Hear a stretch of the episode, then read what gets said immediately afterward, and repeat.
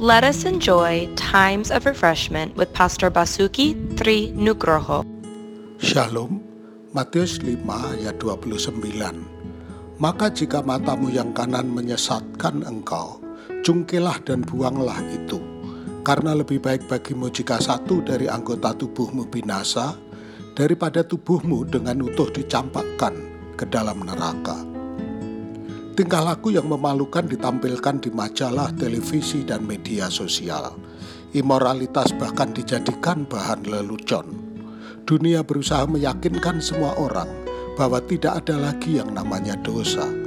Jadi kita harus waspada terhadap segala kompromi di hati kita. Sikap permisif terhadap kejahatan akan membuat kita jatuh ke dalam dosa. Itulah mengapa kita harus menghadapi setiap bentuk kejahatan secara nyata. Yesus melangkah lebih jauh dengan mengatakan bahwa kita harus mencabut mata kita jika itu menyebabkan kita berdosa.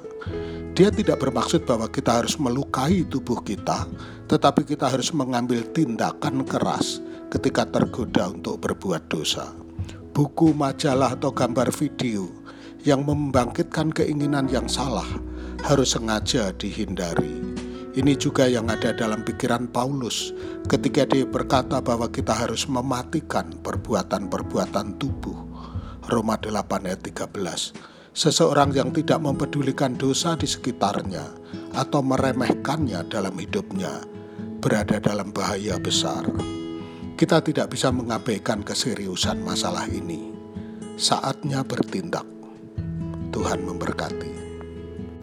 Untuk info pelayanan lebih lanjut, hubungi GBI Grace Community Center Makassar di nomor 081343625334. Tuhan memberkati.